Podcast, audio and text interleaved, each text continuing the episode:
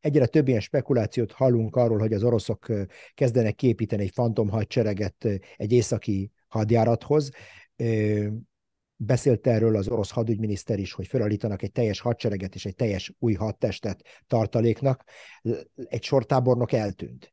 Tehát a, a szúró viking, ahogy az egyik követő megkérdezte, hogy mi történt a szúró viking tábornokkal, tehát a szúró viking tábornok eltűnt, de rajta kívül volt ez a cirkusz pop tábornok, ő is letűnt a színről, és van még egy egész sor tábornok, akik nagyjából eltűntek, már nem vezetik a csapataikat, és van egy az egyik feltételezés az, hogy leváltották őket a, a inkompetencia miatt, a másik az, hogy leváltották őket a Wagner zendülésben való részvétel miatt, vagy meggyanúsították őket, és a harmadik elmélet szerint ezeket a, ezeket a tábornokokat azért, azért vonták ki a harcoló csapatokból, hogy ezek, ezek vezessék, ezek, ezek építsék ki ennek a, ennek a tartalék hadseregnek a, a törzsét, mondjuk úgy, és ez is egy lehetőség. Ez is egy lehetőség. Teljesen egyértelmű, hogyha az oroszok képeznek egy stratégiai tartalékot, akkor ott főtisztekre is szükség van, és nem tudom, hogy a szúró viking tábornok ott lesz de, de, de valószínűleg, hogy ezeknek az eltűnt, idézőjelbetéve eltűnt tábornokoknak a, egy részét ott fogjuk megtalálni.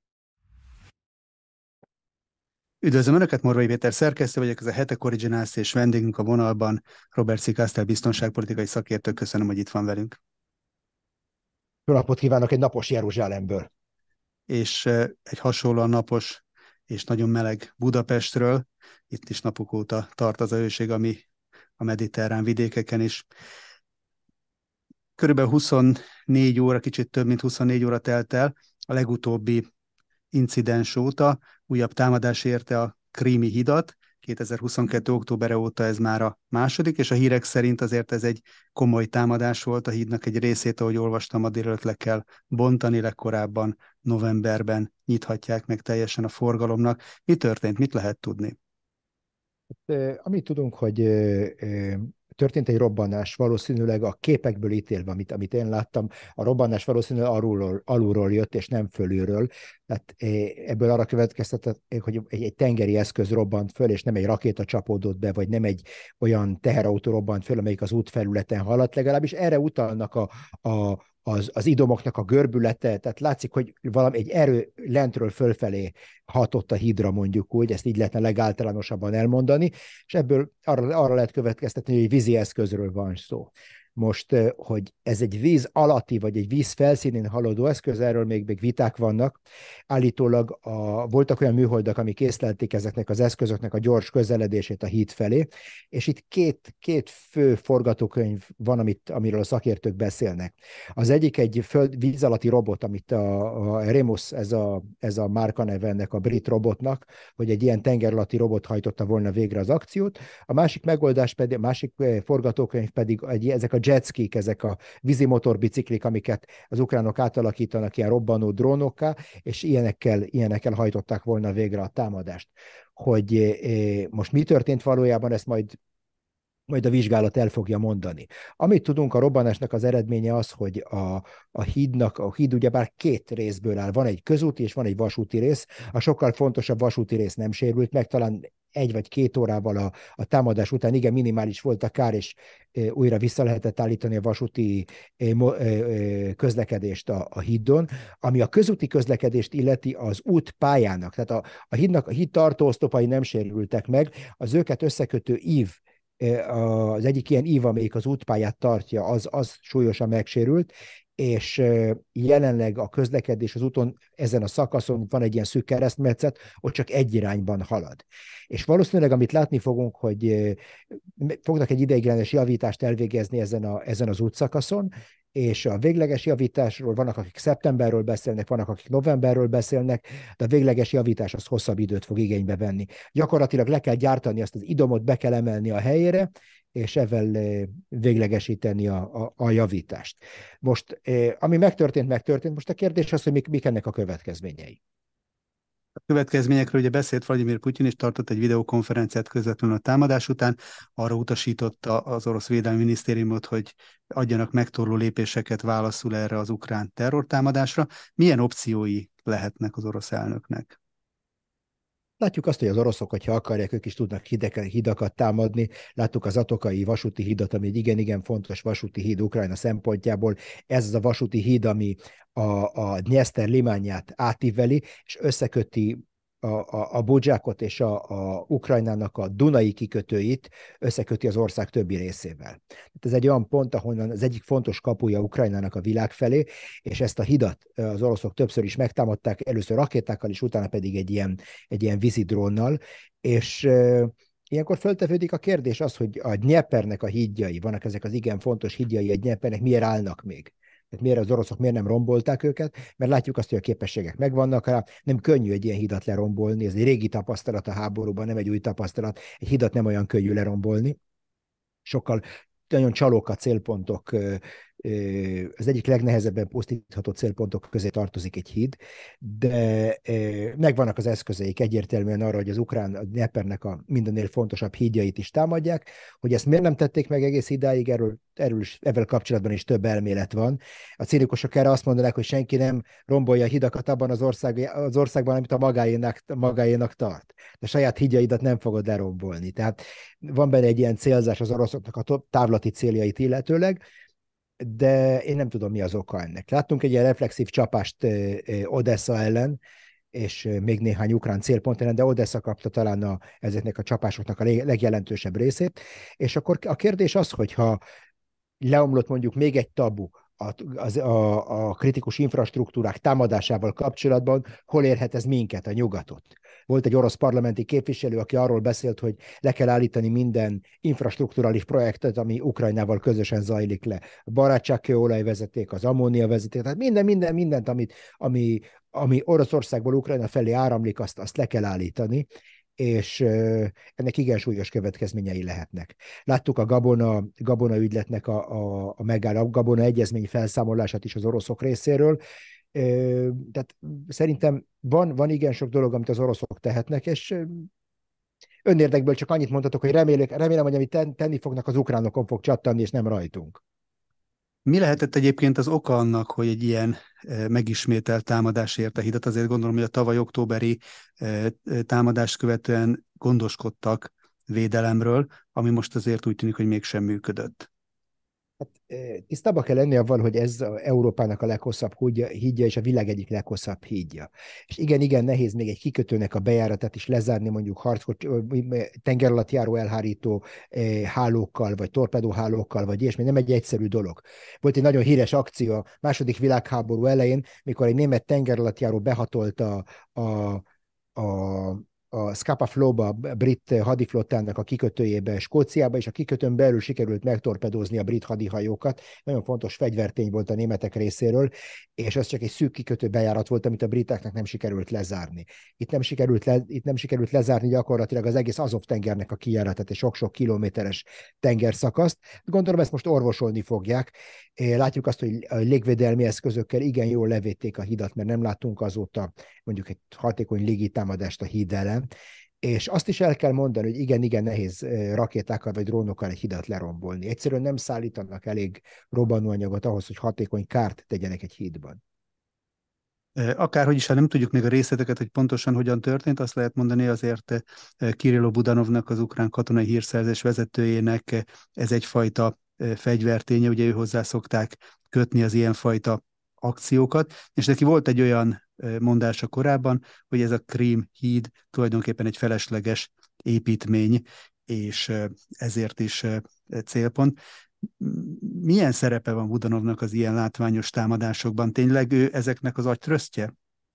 Hát az igazság az, hogy nem tudjuk, hogy ki csinálta. Ez a, ez a férfias válasz, még abban sem vagyunk biztosak, hogy egyáltalán az ukránok csinálták, és nem valamelyik nyugati, valamilyen nyugati különleges alakulat csinálta bérmunkában. Szokás emlegetni az SBS-nek hasonló, a, az a briteknek a Navy seals a briteknek a haditengerészeti kommandója, esetleg az ukránok csinálták kooperációban valamilyen nyugati ö, ö, nyugati különleges alakulattal, az is lehetett. Minden forgatókönyv az asztalon van, de szerintem a, ennél a kérdésnél sokkal-sokkal fontosabb az, hogy mik a következmények. Tehát, hogy hogy miről van itt szó tulajdonképpen, jelképes támadásról, amelyik egy ilyen megalázza Oroszországot, egy ilyen PR akció, vagy pedig tényleg egy olyan támadás, ami, ami hogyha jobban sikerül, hogyha sikerül elvágni azt a vasúti hidat, a vasúti kapcsolatot a Krím és Oroszország között, akkor ez számottevően befolyásolni tudja-e a Krímnek és a zaporozsiai frontnak az utánpótlását. Ezzel kapcsolatban el kell mondani, hogy van egy ilyen elmélet, hogy az ukránoknak az, a, az ukránok számára a leghálásabb célpont ebben a hadjáratban az orosz vasútvonalak lennének, az orosz logisztikai, logisztika köztudomásulag igen számottevően a vasútra, vasútra épül, és hogyha ezeket a vasúti gócpontokat sikerülne az ukránoknak felszámolni, főleg vasúti hidakat támadni, akkor meg lehetne bénítani vele az orosz logisztikát, és kicsit újra lejátszani egy, egy, nagyobb, nagyobb nagyságrendben azt, amit, amit Hersonnál láttunk. Tehát adva van egy orosz kontingens, azt egy néhány vasúti híd, közúti híd köti össze az anyaországgal, az, azokat elvágjuk, akkor ez a, ez a kontingens csapdába került tulajdonképpen. Én azt hiszem, hogy ami a, a, ezt az elméletet illeti, én kevésbé vagyok optimista ezzel kapcsolatban. Láttuk azt, hogy az oroszok több éven át, tehát 2014-15-től egészen 2018-ig még felépült a Kercsi híd, úgy látták el a krímet, hogy nem volt vasúti összekötetés, nem volt szárazföldi összekötetés Oroszországgal. Tehát a krím összes utánpótlása a tengeren történt, vagy pedig a levegőn keresztül történt. Tehát ez, ez volt akkor. Mondjuk a különbség, hogy akkor nem állt háborúban, tehát nem volt egy ilyen totális háború a két állam között. Ugyanakkor avval is tisztában kell lenni, hogy ez az utánpótlás az aporozsiai fronthoz két irányba jön. Az egyik irány a Kercsi hídon keresztül, a másik pedig a Rost- Rostován Donon keresztül északról. És azon kívül van még egy harmadik va, ingyen vasútja is Oroszországnak, ezt úgy hívják, hogy az Azov tenger ha megfigyeljük a vasúti térképet, van egyetlen fontos fővonal, amik végigfut az Azov-tenger partján, de viszont vannak erre merőleges vasúti vonalak, amik gyakorlatilag a kikötőket kötik össze, az Azov-tengeri kikötőket kötik, kötik össze a zaporozsiai fronttal. Tehát, hogyha el is vágják mondjuk ezeket a vasúti hidakat, az oroszok akkor is utánpótlást fognak tudni szállítani a tengeren keresztül, és hogy ezt mennyire hatékonyan tudják megoldani, ezt láttuk Szíriában.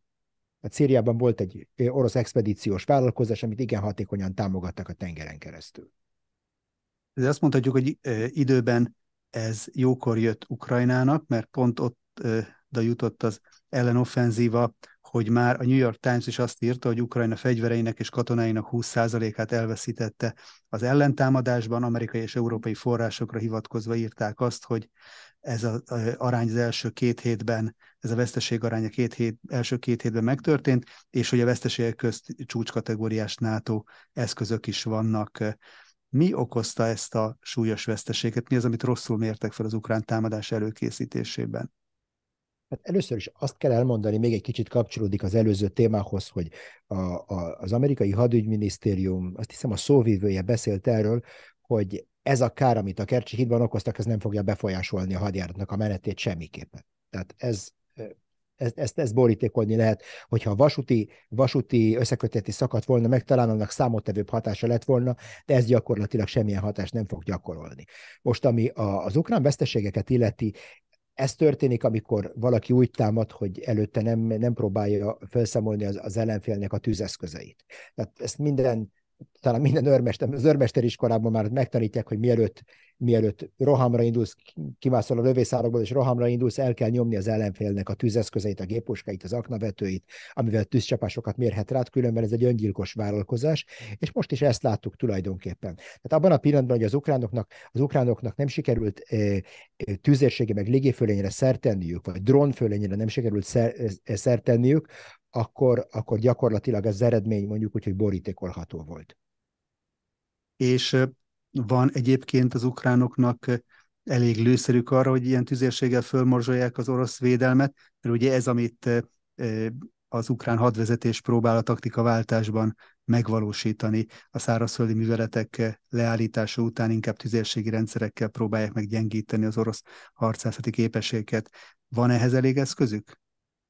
Én azt hiszem, hogy az ukránoknak van egy bizonyos minőségi előnye az oroszokkal szemben, ami a tüzérséget illeti, ameddig a GPS működik abban a pillanatban, amikor az oroszok elkezdik eh, hatékonyan zavarni a, a, a műholdas navigációs, rendszereket, addig ezek az, abban a pillanatban akkor ezek az, ukrán okos eszközök buta eszközökké válnak. Tehát itt, ez, itt az elektronikai hadviselésnek van egy igen számottevő szerepe. Az ukránoknak talán van egy előnye a tüzérségi radarokban is, amivel be tudják mérni az orosz, az orosz tűzforrásokat, az orosz lövegeket, és azokat tudják támadni. Hogy ez mennyire számottevő, azt, azt én nem tudom. Ami a nagy számokat illeti, maga Zaluzsnyi tábornok is beszélt arról, hogy egy a tízhez a, a, a, az orosz tűzfölény Ukrajnával szembe, és hogyha elfogadjuk mondjuk az Orixnak az adatait, akkor a tüzérségi eszközök számában az, orosz, az oroszoknak kétszer annyi tüzér, tüzérségi eszköze van, mint az ukránoknak, és ezt igen nehéz lesz ellensúlyozni. Most, ami a lőszereket illeti, látjuk, hogy Ukrajna iszonyatos lőszerészségben van, megkapták ezeket a kazettás lőszereket. Ezek a kazettás lőszerek nagyon hatékonyak arra, hogy a nyílt terepen támadó harceszközöket és csapatokat pusztítsák, viszont nagyon-nagyon nem hatékonyak az, az, ukrán, az orosz erődítmények elpusztítására. Tehát van egy orosz védelmi vonal, beásott erődítményekkel, bunkerekkel, vasbetonnal, stb., akkor azokat ezekkel nem lehet jól pusztítani. Ezek a kazettás, kazettás előszerek nem erre valók. Van egyébként lehetőség egy ilyen lelassult offenzívával az eredeti célokat elérni? Én nem hiszem. Én azt hiszem, hogy van itt két kőfal, amit, vagy két fekvőrendőr az ukránoknak az útjába. Azt hiszem, ezek inkább kőfalak, mint fekvőrendőrök. Az egyik kőfal, ami sokkal hamarabb fog bekövetkezni, az a, az a tüzérségi gránátok, a tartalékba helyezett tüzérségi gránátok. Az ukránok kiszámolták, hogy most akarnak csinálni egy offenzívát, és erre bespájzoltak X mennyiségű gránátot. Ez teljesen, teljesen egyértelmű mindenki számára, hogy a, a nyugat nem képes a, azt a lő, azt a lőszer volument legyártani Ukrajna számára, amire szüksége lenne a napi szinten. Ezzel az ukránok tartalékoltak igen nagy mennyiségű lőszert. Most minden nap, ami eltelik, és, ne, és nem sikerült az, azokat a napokat, meg ezt a lőszer felhasználást nem sikerül előrehaladásra felváltani, ebben a cselekereskedelemben, az egy elpazarolt nap az ukránok számára. Mert előbb-utóbb el fognak fogyni azok a napok, amikre van lőszerjavadalmazás, az a lőszerkészlet el fog fogyni, és akkor, akkor ahol vannak, ott vannak. Tehát ez az egyik ilyen kőfal. A másik kőfal az ukránok útjában pedig a, az időjárás akarjuk, nem akarjuk, hőhullám, nem hőhullám, egyszer csak a tél be fog következni, az el, először is eljön az ősz, lehullanak az esők, és akkor látjuk még, láttuk még a tavasz végén is, hogy az ellentámadás elkezdése után voltak esős napok, és ez mennyire megbénította az ukrán harcmozgásokat, pontosabban mind a két félnek a harcmozgásait a telepen, és a szeptember végén, október elején be fog következni. És akkor, akkor ennek a, a tavaszi hadjáratnak ez lesz tulajdonképpen a vége. Zelenszky elnök a lassulásnak az okát részben azért a nyugati szövetségesekre hárította, azt mondta, hogy késve lassan érkeztek, meg érkeznek most is a NATO fegyverek, ő szerette volna az offenzívát korábban megindítani, de így az oroszoknak volt idejük fölkészülni. Van alapja ennek a kritikának, vagy inkább ez csak hárítás az elnök részéről? Azt hiszem, hogy ennek vannak objektív alapjai, ugyanakkor a haditechnikán kívül látjuk, hogy az ukránoknak a kiképzése sem megfelelő.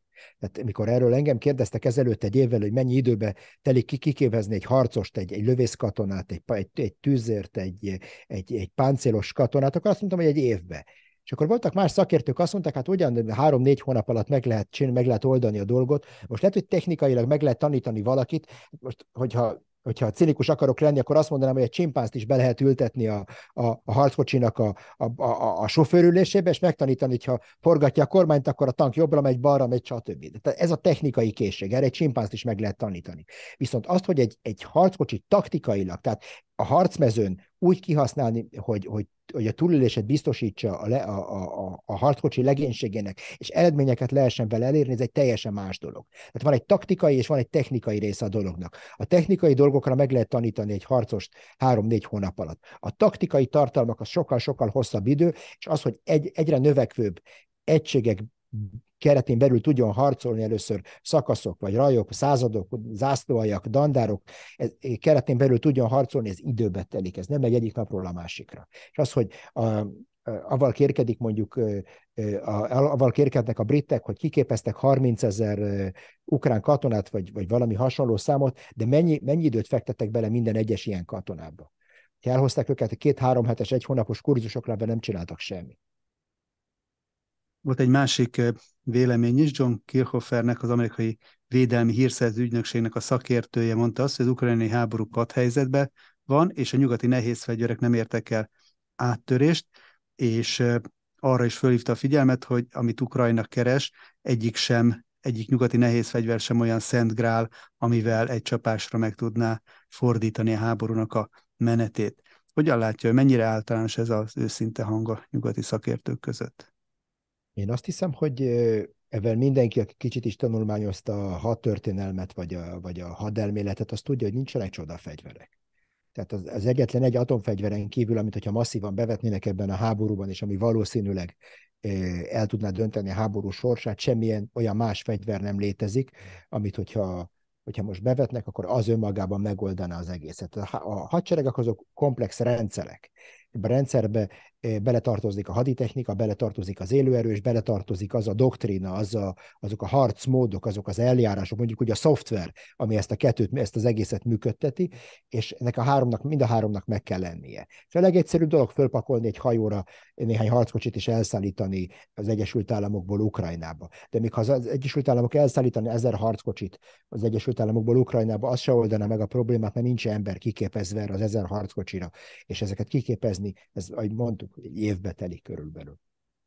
Ugye említette már a lőszer kérdést, és ezzel kapcsolatban a Bloomberg is megállapította azt, hogy nagy gondban vannak a nyugati fegyverszállítók. 18 hónappal a háború kitörése után azzal kell szembesülni még az Egyesült Államoknak is, hogy nem tud lépést tartani a növekvő igényekkel, Amerikának is Dél-Koreából kellett utánpótlást vásárolnia. Mi lehet azért a realitás nem tud, vagy nem akar Amerika több fegyvert, lőszert küldeni? Én úgy gondolom, se nem tud, se nem akar. Ez, ez igen egyértelmű. Én azt hiszem, hogy az Egyesült Államok már elérte azt a szintet, amikor minden további fegyver átadás már a saját készültségét veszélyezteti. És én azt hiszem, hogy egy, egy, egy, egy normálisan működő államban, hogyha a hadügyminiszter, a hadügyminiszternek azt kell jelenteni az elnöknek, hogy, hogy elfogyott a lőszer a hadseregnek, vagy már, már, a, már a, a tartalékhoz kell nyúlni, akkor ebben együtt beadja a lemondását is. Ebben együtt beadja a lemondását is. Én nem láttam, hogy az amerikai hadügyminiszter lemondott volna. Ez egy óriási kudarc az amerikai lőszertartalék, ez a demokráciának az arzenálja, ebben kéne megvédeni a Tajvan, meg kéne védeni a közelkeleti szövetségeseit, meg kéne védeni esetleg Lengyelországot, a Baltikumot, Magyarországot, Romániát, hogyha valami baj történik, és hova lett ez a lőszer? Tehát mikor, mikor ezeket, ezt, ezeket a lőszereket átadták Ukrajnának, akkor egy, az Egyesült Államok bizonyos szinten hanyagságot, hanyagul járt el, és magára hagyta a szövetségeseit. Az, hogy visszavontak lőszertartalékokat Izraelből, Szaudarábiából és az amerikai tengeren túli raktárak bizonyos részéről, ez meggyengítette az amerikai hatalmat a világ minden pontján. Egy iszonyatos felelőtlenség. Viszont Európával kapcsolatban meg egyértelműbb a helyzet, tehát itt el, ténylegesen elfogytak a Bloomberg szerint a készletek, és pótolni sem tudja mert egyrészt a hidegháború után a legtöbb gyárt az visszaépítette a kapacitását, eltűnt a piacról, és hogyha újra is indítják, akkor is két-három év is alap szerint elterhe, eltelhet a legalapvetőbb felszerelések és lőszerek esetében is. Ennek mi lesz a következménye Európára nézve, hogy most ennyire lefogyott minden? Én, én nem tudom, mi lesz ennek a következménye, de a legaggasztóbb az, a, az, hogy nem változott semmi. Tehát a frázisok szintjén arról beszélünk, hallok elemzőket beszélni arról, hogy ez egy egzisztenciális probléma Nyugat és Európa számára, és akkor oké, okay, ez megmarad a frázisok szintjén. Viszont, hogyha elmegyek és megvizsgálom, hogy mennyit töltenek most 2023-ban a katonai kiadásokra, akkor azt látjuk, hogy gyakorlatilag szinte semmi nem változott van négy állam, ezek a, úgy általában ezeket hívom az aggódóknak, ez Magyarország, Szlovákia, Románia, tehát ezek a, a nem az ütköző államok, de mondjuk a következő, következő e, e, sor állam, akik az ütköző államok után jönnek, fölemelték a katonai költségvetésüket a 2% fölé, valamivel a 2% fölé, de és a NATO-nak a többi 20 valahány állam, ami mindig messze a, a a 2% alatt kullog, és ami a legmegdöbbentőbb, most nincsenek előttem az adatok, de vannak számottevő NATO államok, mint például, ha jól emlékszek, a britek, effektíve visszafejlesztették. Tehát a, a, van egy óriási különbség a briteknek a, a karcsörtetése, és a között, hogy mennyit fektetnek bele a, a, a haderejük, haderejük fejlesztésébe. A brit katonai költségvetés 2023-ban kisebb, mint 2021-ben volt. Tehát e, e, ennyit az egzisztenciális fenyegetésről, meg, tehát valami hihetetlen, valami megdöbbentő a szakadéka a, a, a, a, a frázisok és a cselekedeteink között teljesen megdöbbentő, és hogyha ez nem változik meg, akkor, akkor igen komoly problémák lehetnek Európában. Az ukránok maguk részéről minden esetre megpróbálják fölvenni a kesztyűt, és azt jelentette be Valeri Zalozsnyi, hogy Ukrajna saját gyártmányú fegyverzettel fog csapást mérni orosz területekre. Lehet egyébként abban realitás, lehet képessége Ukrajnának arra, hogy orosz területeket támadjon, és ha igen, akkor mi lehet ezekkel a célja? Én azt hiszem, hogy az ukránok már demonstrálták azt, hogy tudnak használni ukrán gyártmányú, be, hazai gyártás, gyártmányú fegyvereket, igen, hatékony módon, például a Neptun rakéták, amikkel állítólag ezekkel sülyeztették volna el a, a Moszkva cirkálót, a, voltak olyan drónok, a legutolsó Moszkva elleni támadások során e, ukrán gyártmányú drónokat használtak állítólag, ez a jelentések szerint ezt nyilvánvaló, hogy nem tudom se megcáfolni, se igazolni, és én azt hiszem, hogy ilyen kisebb eszközöket össze tudnak rakni, tehát teljesen elképzelhetőnek tartom, hogy ilyen manufaktúrákban összeraknak drónokat és hasonló könnyű, könnyű fegyverzetet mondjuk úgy. De annak, az, annak a lehetősége, hogy egy harckocsi gyárat telepítsenek Ukrajnába, és ez befolyásolni tudja a háborúnak a menetét, ez, ez nekem, nekem igen hihetetlennek tűnik. Fölépíteni egy, egy ilyen gyárat hosszú évek munkája. Kiképezni a munkaerőt, az sem magától értetődik. Az is több év munkája. Látjuk, hogy az Egyesült Államokban nyugdíjasokat hívnak be, a Rayton meg ezek a cégek, hogy stingereket gyártsanak. É, arról nem is beszélve, hogy az oroszok pusztítani fogják ezeket a létesítményeket. Tehát abban a pillanatban nem, egy, egy harckocsi gyárat nem lehet egy, egy pincében összeállítani, ez nem egy nem, nem, nem, nem töltényeket töltenek kézifegyverekhez, hanem, hanem egy, egy, egy tank, tankvárost, egy tankográdot akarnak építeni tulajdonképpen, azt meg is kell tudni védeni légvédelmi eszközökkel, és gyakorlatilag honnan veszik el ezeket a légvédelmi eszközöket? Kievből, vagy a frontról, vagy a többi városvédelméből? Nekem ez, ez nem tűnik túl valószínűnek. Zaluzsi mondott olyat is, hogy a háború főleg Kiev problémája, így nekik kell eldönteniük azt, hogy hogyan öljék meg az ellenséget, és azt is hozzátette, hogy ha a partnereink félnek saját fegyvereiket bevetni ebből a célból, akkor mi a mi saját fegyvereinkkel fogunk, fogunk gyilkolni. Így visszatekintve a korábbi ilyen ukrán akciókra, mint például a belgorodi betörésre, lett ezeknek gyakorlati haszna Ukrajna szempontjából? Ezek fontos figyelemelterülők, fontos politikai jelzések, eh, erőfitoktatás, Oroszország megalázása, tehát az információs hadviselés, hadviselés szintjén ezek igen fontos lépések voltak. Ugyanakkor eh, a gyakorlati, a kinetikus gyakorlati hasznuk igen kevés. Tehát azon kívül, hogy megosztják az oroszoknak a figyelmét, eh, más hasznot én nem nagyon látok. Ameddig az ukránok voltak élőerő, számottevő élőerő, élőerő fölényben, addig volt értelme a front széthúzásának. Most azt látjuk, hogy a, az oroszok, a mérleg egyre inkább az oroszok felé billen el, és én azt hiszem, hogy minden további széthúzása a frontnak, vagy további frontszakaszok felmelegítése mondjuk úgy, a, a harcok intenzív tétele további frontszakaszokon szerintem egyre inkább az oroszoknak kedvez, és nem az ukránoknak. És ezzel kapcsolatban egyre több ilyen spekulációt hallunk arról, hogy az oroszok kezdenek képíteni egy fantom hadsereget egy északi hadjárathoz. Beszélt erről az orosz hadügyminiszter is, hogy felállítanak egy teljes hadsereget és egy teljes új hadtestet tartaléknak. Egy sortábornok eltűnt. Tehát a, a szúró viking, ahogy az egyik követő megkérdezte, hogy mi történt a szúró viking tábornokkal, tehát a szúró viking tábornok eltűnt, de rajta kívül volt ez a cirkusz pop tábornok, ő is letűnt a színről, és van még egy egész sor tábornok, akik nagyjából eltűntek, már nem vezetik a csapataikat, és van egy az egyik feltételezés az, hogy leváltották őket a, a inkompetencia miatt, a másik az, hogy leváltották őket a Wagner eh, zendülésben való részvétel miatt, vagy gyan, meggyanúsították őket, és a harmadik eh, elmélet szerint ezeket a, ezeket a tábornokokat azért, azért vonták ki a harcoló csapatokból, hogy eh, ezek, ezek vezessék, ezek, ezek építsék ki ennek a, ennek a tartalék hadseregnek a, a törzsét, mondjuk úgy, és ez is egy lehetőség. Ez is egy lehetőség. Teljesen egyértelmű, hogyha az oroszok képeznek egy stratégiai tartalékot, akkor ott főtisztekre is szükség van, és nem tudom, hogy a szúró viking tábornok ott lesz de, de, de valószínűleg, hogy ezeknek az eltűnt, idézőjelbetéve eltűnt tábornokoknak a, egy részét ott fogjuk megtalálni. És hogyha ez a láthatatlan légió vagy fantom hadsereg e, föláll, akkor ennek egyébként a célja az lehet, hogy egy bárhol bevethető plusz védelmi erőként szolgáljon, vagy ezzel offenzív hadműveletet is végre tudnának hajtani.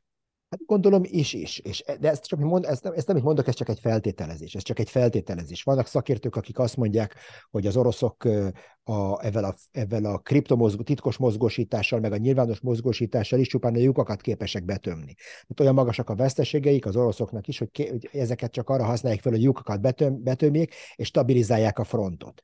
É, ami ennek ellentmond, az az idézőjelbetéve pazarló harcmód, amit az oroszok alkalmaznak most például, a zaporozsiai fronton, ahelyett, hogy a, a várfalaik mögé bújnának, a nyílt mezőn harcolnak az ukránok ellen, és ez igen pazarló, ami az emberanyagot meg a haditechnikát illeti. Tehát ez arra mutat, hogy az oroszok nincsenek szűkében ezeknek az erőforrásoknak, és hogyha tényleg van egy ilyen fölösleg, akkor, akkor teljesen elképzelhető, hogy azt a tartalékot építik ki, amit vagy egy ilyen esetleges ukrán áttörés megállítására fogják felhasználni, vagy hogyha ez az ukrán hadjárat kifullad, és ez e, előbb-utóbb ez az ukrán hadjárat ki fog fulladni, hogy hol fog megállni, azt nem tudjuk, de valahol ki fogja futni magát, és akkor, akkor a kezdeményezés át fog kerülni az oroszok kezébe, és vannak olyanok, akik már azt vélik, föl, fölfedezni vélik ennek az első lépéseit, főleg Kreminánál, meg az északi fronton, sokkal, sokkal intenzívebbé váltak az orosz tűzcsapások, keresik az ukrán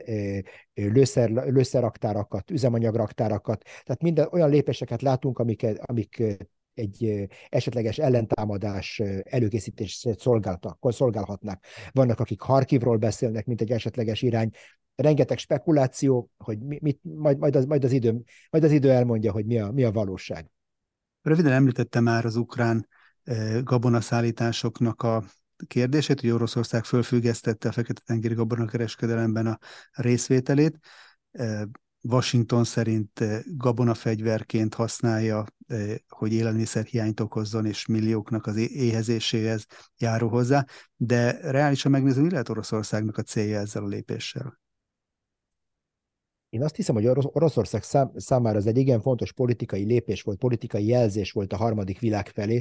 Látjuk azt, hogy Oroszországnak a támogatottsága furamod nagyon magas a nem nyugat országaiban, és ez egy ilyen gesztus volt szerintem főleg ezek felé, az államok felé, é, azon az áron, hogy Ukrajna igen komoly jövedelemre tett szert evel a gabona exporttal. És Oroszországnak az egyik feltétele ennek, a, ennek az gabona ügyletnek az volt, hogy Oroszország segíteni fogják Oroszországot értékesíteni a saját gabonáját a, világ, a világpiacokon. Ha ennyire aggódunk, ha ennyire telesírtuk a párnánkat a világ szegényei miatt, akkor, akkor nem mindegy, hogy ukrán gabonát vagy orosz gabonát tesznek, akkor segítsünk, segítsük őket hozzá, hogy orosz gabonához is hozzájussanak, és ehhez csak annyit kellett volna megtenni, hogy föloldják azt a korlátozást, a nyugat föloldja azt a korlátozást, amit arra, ami arra az orosz bankra vonatkozik, amelyik ezeket a gabona ügyleteket vezet. Tehát visszakapcsolni ezt a bankot a SWIFT rendszerre. Az ENSZ főtitkára jött egy ilyen kompromisszumos megoldással ezelőtt egy pár nappal, hogyha talán nem ezt az állami bankot, hanem egy másik bankot kötnék el, és azon keresztül hajtanák végre ezt a dolgot, nem lett belőle semmi. Úgy látszik, hogy ez egy olyan lépés, amit a nyugat nem tud megengedni magának politikailag, tenni egy nagy lépést hátra ezekbe a pénzügyi szankciókba Oroszország ellen, és valószínűleg az oroszok megértették azt, hogy hogy ebben az ügyletben már csak veszítenek. Azt is el kell mondani, hogy ennek a gabonának a, a jelentős része, most nem akarok százalékokat mondani, mert vita van ezzel kapcsolatban, de a döntő többsége nem a, az afrikai éhezőknek az asztalára kerül mondjuk úgy ennek a gabonának a döntő többsége, hanem a nyugati, nyugati ipari felhasználásra kerül. Vagy éppen itt Magyarországon ragad, vagy kelet, más kelet-európai országban.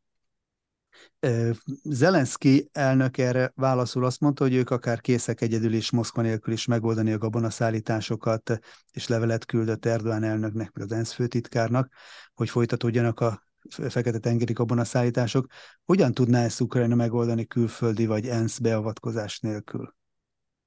Gazdaságilag az egyetlen reális mód arra, hogy az ukrán gabonát exportálják, ez a tengerek, tengeri, tengeri úton van, vasúti úton, kétszeri átrakással, az egésznek semmi értelme nincs, tehát gazdaságilag nem lenne érdeke, annyira megdrágítaná az ukrán gabonát. A, ahhoz, hogy Ukrajna egy tengeri blokkád alatt van. Tehát ezt el kell mondani, hogy ami a tengeri utat illeti, Ukrajna egy ten- orosz tengeri blokkád alatt van, és ahhoz, hogy az ukránok exportálni tudják a gabonájukat, valakinek át kéne törni ezt a blokkádot.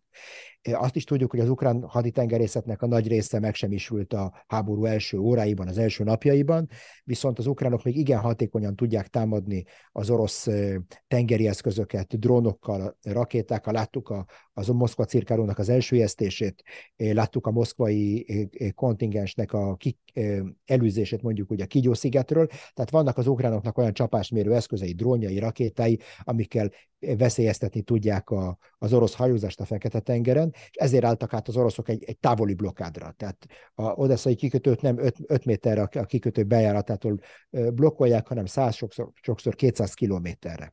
Én nem hiszem, hogy az Egyesült Államok, vagy bármilyen más nyugati állam, vagy Törökország vállalna egy háború kockázatot Oroszországgal azért, hogy a, az ukrán gabona, tudom én, a kis-afrikai éhezőnek a tányérkájára kerüljön valahol, tudom én, Közép-Afrika alsón, ez igen-igen valószínűtlen, és ezért én nem gondolom azt, hogy Törökország konfrontálódna miatt Oroszországgal. Arról nem is beszélve, hogy nem kell ilyen festői tengeri csatákat elképzelni, mint tudom én, mint a Blatt kapitány viszontagságaiban, vagy ezekben a kalandfilmekben, hanem az oroszoknak elég leaknásítania ezt a, ezeket a tengeri útvonalakat, és akkor tudjuk, hogy rengeteg elszabadult ukrán akna is lebeg a tengerek fölött, és ezek, a, és ezek a, az aknatörő hajók úgy kapnák ezeket a pofonokat, hogy se tudják, hogy kinek köszönjék meg az oroszoknak vagy az ukránoknak. Tehát annyi, a tengeriaknak igen számottevő veszélyt jelentenek, és ott vannak a tenger alatt járók is, amik, amik orosz tenger alatt járók, amik meg tudnak támadni e, ilyen hajókat, anélkül, hogy, hogy valaki Oroszországot tudná hibáztatni ezekkel a támadásokkal. Végül akkor szokás szerint következzen néhány nézői kérdés. Nagyon megmozgatta a nézőinket a legutóbbi beszélgetésünknek az a része különösen, mert felvetette, hogy kínai szerepvállalással lehetne a háborút lezárni. Meg is kérdeztük a nézőinket, azt tettük föl kérdésként, hogy ön szerint jó ötletek kínai békefenntartókat hívni az orosz és ukrán hadsereg közé.